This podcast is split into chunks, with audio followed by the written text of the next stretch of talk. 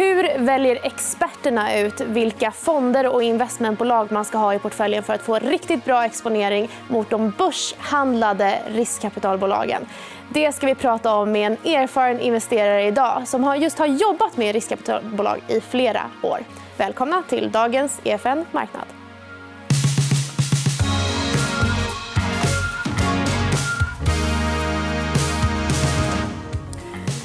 Ja, och med oss i studion så har vi Tom Berggren som är fondförvaltare på Carnegie Fonder. Välkommen. Tack så mycket. Eh, du har ju en lång bakgrund inom just riskkapitalbolag. varit vd på Svenska riskkapitalföreningen. Eh, och nu förvaltar du en fond som investerar i just riskkapitalbolag.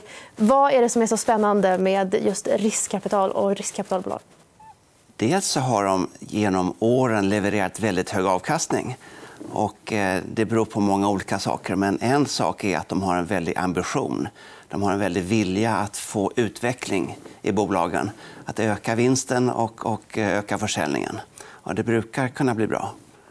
Och er fond heter ju eh, Carnegie Listed Private Equity. Men vi pratar om riskkapitalbolag. Vad är egentligen ett private equity-bolag och vad är skillnaden? En förenklad svensk version av private equity är att säga riskkapital. Eh, men det vi menar med private equity det är alltså de som jobbar med onoterade företag. och De ska vara aktiva ägare. Och sen investerar vi i de som finns på börsen som jobbar på det här viset som aktiva ägare i främst onoterade företag. Och hur kommer det sig att du började med det här? Jag började med, med att eh, jobba med Riskkapitalföreningen för väldigt många år sedan och höll på där i tio år som vd då branschen växte. Och, eh, vi hade väldigt roligt och vi, vi eh, såg till och hjälpte till att försöka förklara vad riskkapital är och vad private equity och vad venture är som är då investeringar i lite yngre företag. Just det. Eh, så att, och sen så småningom så tittade jag efter någonting att göra eh, lite mer konkret och, och eh, kontaktade några fondbolag och körde igång den här fonden då, som investerar i börsnoterade riskkapitalbolag. Och hur kommer det sig att du inte gick andra vägen till att göra direktinvesteringar i de här onoterade bolagen? Ja, det har jag gjort en del genom åren och suttit i en massa styrelser och sådär. Men eh, det här var något som saknades lite, lite grann. För att normalt så investerar man väldigt stora belopp i privata eh, private equity eller riskkapitalfonder. Och då låser man upp sina pengar i kanske 10, 12, 14 år. Mm. Men sen kom det ett antal ut på börsen och det blir mycket enklare, för där kan man köpa och sälja de här bolagens aktier varje dag. Mm. Så att därför tyckte jag att det här ska vi erbjuda svenska marknaden. Och det här var 2009 som vi kom igång. Mm. Och det är ju en av de stora fördelarna med att investera i just börshandlade private equity-bolag. Vad finns det för andra fördelar med att investera i onoterat på börsen? Ja, dels så behöver du inte skicka in 100-200 miljoner US dollar till en fond. Man vill ju ha en portfölj, så att det blir ganska krävande eh, om man ska göra det på den privata sidan. Men sen är det andra fördelar. De som är på börsen de tycker vi har riktigt hög kvalitet för de vågar vara på börsen och vågar vara offentliga. Eh, och sen har vi fördelen av att vi kan sälja om någon byter strategi eller om de inte levererar avkastning. Då kan vi sälja aktierna gå in i ett nytt företag väldigt enkelt. Mm. Hur håller ni koll på vad ni säljer och när ni säljer framför allt? Det, ja, vi, det är ju vårt jobb. Liksom. Vi är ett team som, som jobbar med det här. och Jag känner ju många av de här bolagen sedan många år tillbaka. Mm. Så vi följer utvecklingen och ser att de sköter sig och levererar. Har ni några kriterier som gör att ni väljer att göra exit ur ett speciellt bolag? Eller? Det, är, det kan vara att det är för för dålig likviditet i aktien. För Det brukar vara viktigt, särskilt när det är lite skakigt att aktierna är stora nog, liksom, eh, likvida nog för att man ska kunna köpa och sälja. Eh, sen kan det vara att man byter strategi eller någonting annat. Eller som sagt att de möjligen inte levererar så hög avkastning som vi, som vi vill. Mm. Hur, många bolag kan ni ha i portföljen? Då? Vi har normalt mellan 35 och 40. Mm. Så att eh, det tycker vi är ganska lagom. Och så försöker vi då sprida dem geografiskt. Mycket i Nordamerika, eh, Europa och lite Asien. Men sen också många olika typer av strategier. En del är duktiga på och inriktade på eh, IT, och mjukvara och digitalisering. Några är mer inne på medicinområdet. Sen finns det de som jobbar med infrastruktur där man då investerar i, i, i eh, broar och vägar och allt möjligt, eh, vattenkraft, men som en aktiv ägare. Då. Så, det är många olika typer. Jag förstår. Och du, har du nåt speciellt intresse så där, i, i någon av de här marknaderna eller är du en riktig riskspridare och håller dig som en generalist? Det kan variera lite grann vilka vi tror mest på. Just nu när det är lite skakigt så är vi lite försiktiga med, med venture, alltså unga teknikinvesteringar. Mm. Eh, eftersom de brukar ha lite tufft när alla är nervösa och oroliga, vilket ju eh, investerarna är där ute nu. Så att då passar det bättre med de lite större bolagen som har kassaflöden och så. Mm, just det. det är en väldigt intressant sektor. Skulle du säga att den påverkas mycket av konjunktur och eh, förändringar på marknaden? Fördelen med, med de här är att det viktigaste för att leverera avkastning är att man får bolagen att växa och bli mer lönsamma. De har normalt ambitionen att de ska åtminstone dubbla vinsten eh, under ägarperioden som kan vara 3, 4, 5, 6 år. Och då är det ju det som är avgörande. Sen om värderingarna går ner så är det klart det hade varit bättre om allt bara gick upp. Men mm. det som är avgörande är ändå vad man gör med bolagen. Mm. Eh, sen är det en annan aspekt på det här med med, med konjunktur och med, med oroliga marknader att när det är stor oro på marknaderna då, då blir det billigt att köpa. Mm. Och då tenderar riskkapitalbolagen att investera en hel del. Och sen när alla är glada och, och positiva då passar man på att sälja lite mer. Så att vi är inte riktigt oroliga för en eh, turbulent period för då vet vi att, att de gör bra investeringar. Men då ska de också sitta på likviditet. Gör de det alltid? Ja, de, de har ju rejält med finansiella muskler. Mm. Mm. Så förra året då när, när covid höll på som, som mest då dök det upp en hel del bra möjligheter för investeringar. Mm. Så att då investerades det en hel del. Mm. Och vad händer om, om räntorna stiger rejält nu framöver? Hur kan vi se att den här branschen kommer påverkas då? Det varierar lite grann hur mycket det påverkar. Men, men aktier generellt har ju gått ganska bra under perioder när räntan har gått upp. Man har i många fall kunnat höja priser och så, hänga med i, i den här inflationen. Eh, men det är klart, det finns en risk att, att det blir lite lägre värderingar. Så då blir det köpläge istället, så får man vänta lite. Hur, hur tänker du då med din egen fond, och köpläge och säljläge? Följer du marknaden och försöker tajma? Eller? Ja, vi är alltid fullinvesterade. Så att vi, vi, vi förflyttar oss lite grann. Som jag var inne på, att vi kanske hellre investerar i lite större bolag eh, än de unga eh, teknikinriktade mm. eh, just nu. Och, och så där. så lite, lite får man försöka anpassa sig. Och sen kanske man också, om man väljer mellan två likadana bolag i USA eller Europa så kanske man just nu skulle välja USA där de är mindre påverkade av, av eh, det här hemska kriget i Ukraina. Så. Just det. Men USA å andra sidan påverkas ju mycket av inflationen. Vad händer om, om den fortsätter att stiga och eh, inte ger med sig? Hur påverkas den här branschen då? Det, vi tror normalt att det mesta är inprisat. Att marknaden är så pass förutseende att man, man räknar med att inflationen ska gå upp ordentligt. Mm. Och det som avgör hur det går är egentligen om det kommer att gå upp ännu mer eller lite mindre. Så det, det gör det ju lite enklare med aktier och om man har den filosofin så, så är det förändringar som påverkar aktiepriserna. Eh, inte att det kommer bli hög inflation, för det vet vi att den kommer att öka. Mm. Just det.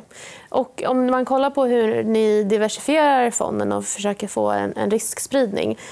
Skulle du säga att det finns liksom risk för övervikt i vissa bolag som har flera av samma private equity-bolag som investerare? Eller är det så att det blir en väldigt fin riskspridning om man har olika bolag? Och... Vi har ganska mycket analys och eh, in-house och har olika limiter och så där. Så att vi eh, vill ha en bra diversifiering. Och det är en anledning till att vi har haft lägre risk eh, men minst lika hög avkastning som, som liknande fonder sedan vi drog igång 2009. Mm.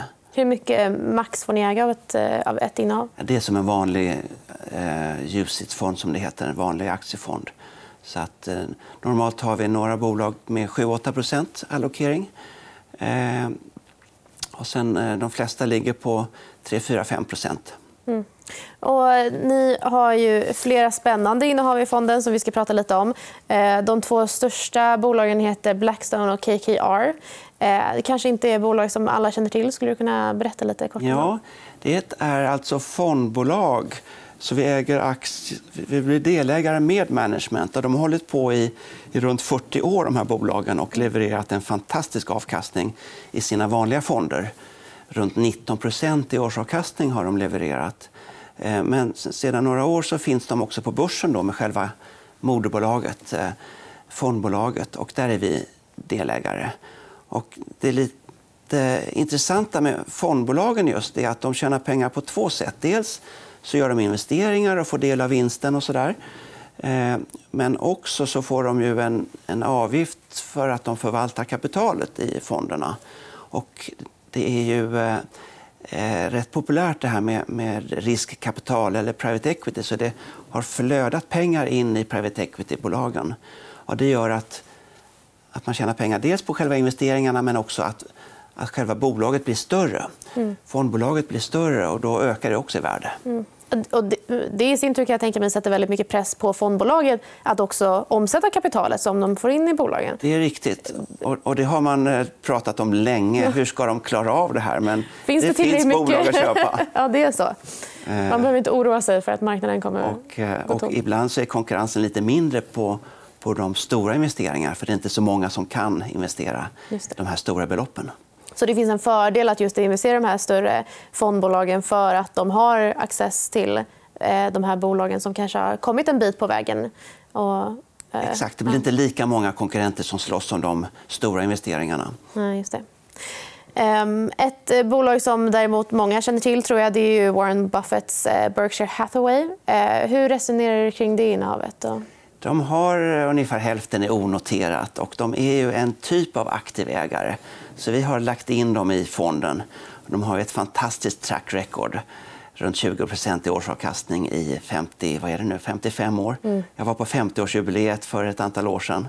Cool. Eh, och eh, dessutom har de blivit lite modernare med, med åren också. De är stora i, i bolag eh, som är lite mer digitala. Apple är, är de stora i. Och de investerade tidigt inom batteri Eh, sån här batteriteknik för elbilar och, och, och, en hel del annat som, som visar att de, de hänger med fastän grundarna är ganska gamla. Mm. De har en, för, en förmåga att förnya sig vilket jag kan tänka mig är väldigt viktigt i en bransch där man också håller sig kvar i flera, flera år.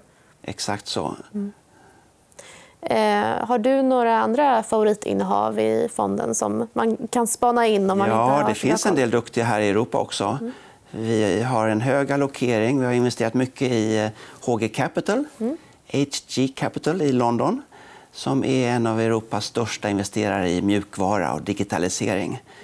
Eh, men då är det inte så mycket unga idéer utan då är det bolag som kan ha, dra nytta av digitalisering, den nya tekniken, som ofta har eh, företag som kunder. Mm. Vad har de för typ av bolag i sina portföljer? Eh, Visma är ett norskt bolag som, som eh, är, är väldigt känt som har gått också förstås då väldigt bra. Eh, så det är den typen. Det kan vara mjukvara, det kan vara allt möjligt där man har nytta av digitaliseringen. Att göra saker och ting lite effektivare.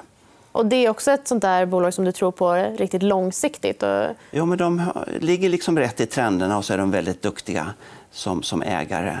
Och det är lite speciellt med just eh, den här typen av fonder, riskkapitalfonderna, att ju längre de håller på desto duktigare blir de. Liksom.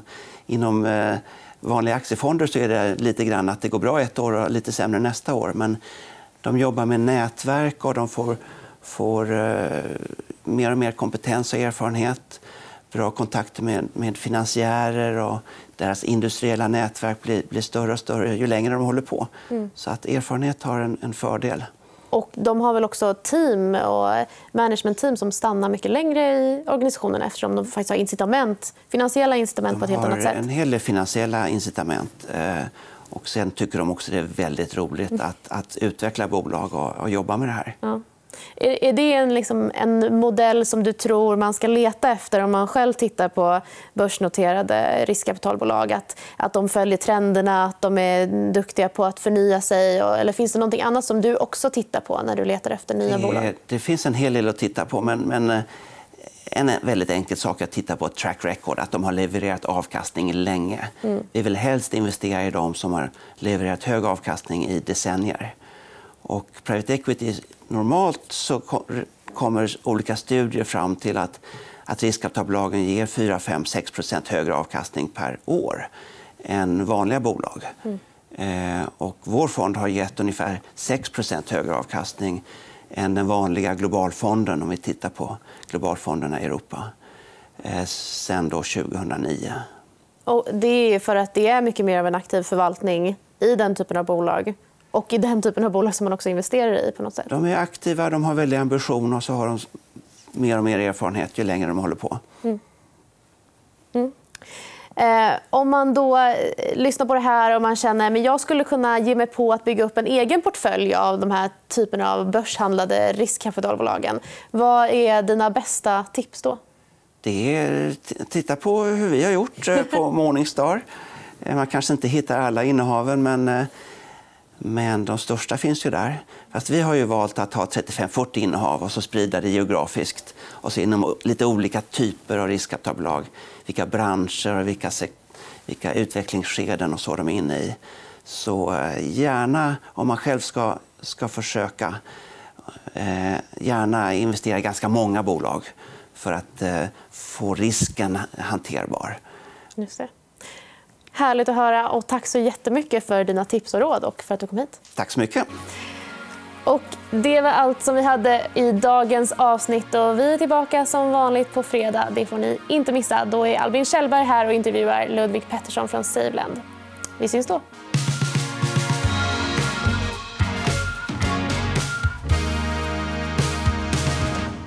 Du har lyssnat på EFN Marknad, en podd av EFN Ekonomikanalen. Mer om ekonomi och aktier finns på efn.se.